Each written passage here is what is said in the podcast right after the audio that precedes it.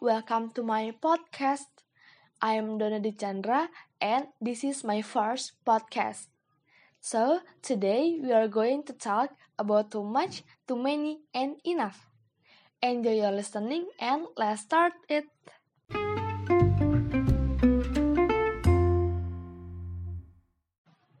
For today, I'm going to explain about too many, too much, and enough. So, how to use too much, too many, and enough? Okay, guys, now we are talk about too much and too many. Too much and too many that have the same meaning. So, what's the difference? Number one, too much. Too much is always followed by uncountable noun. Jadi, too much selalu diikuti oleh uncountable noun. Apa sih uncountable noun? Uncountable noun itu adalah kata benda yang tidak bisa dihitung. The example, water, salt, sugar, oil, and many more.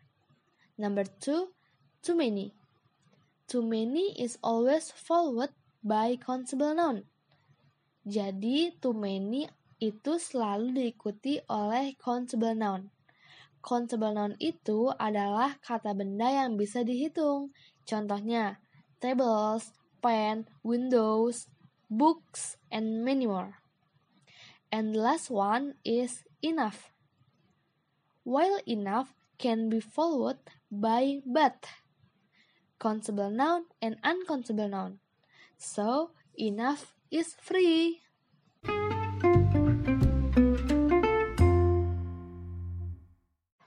Okay guys, I think it's enough.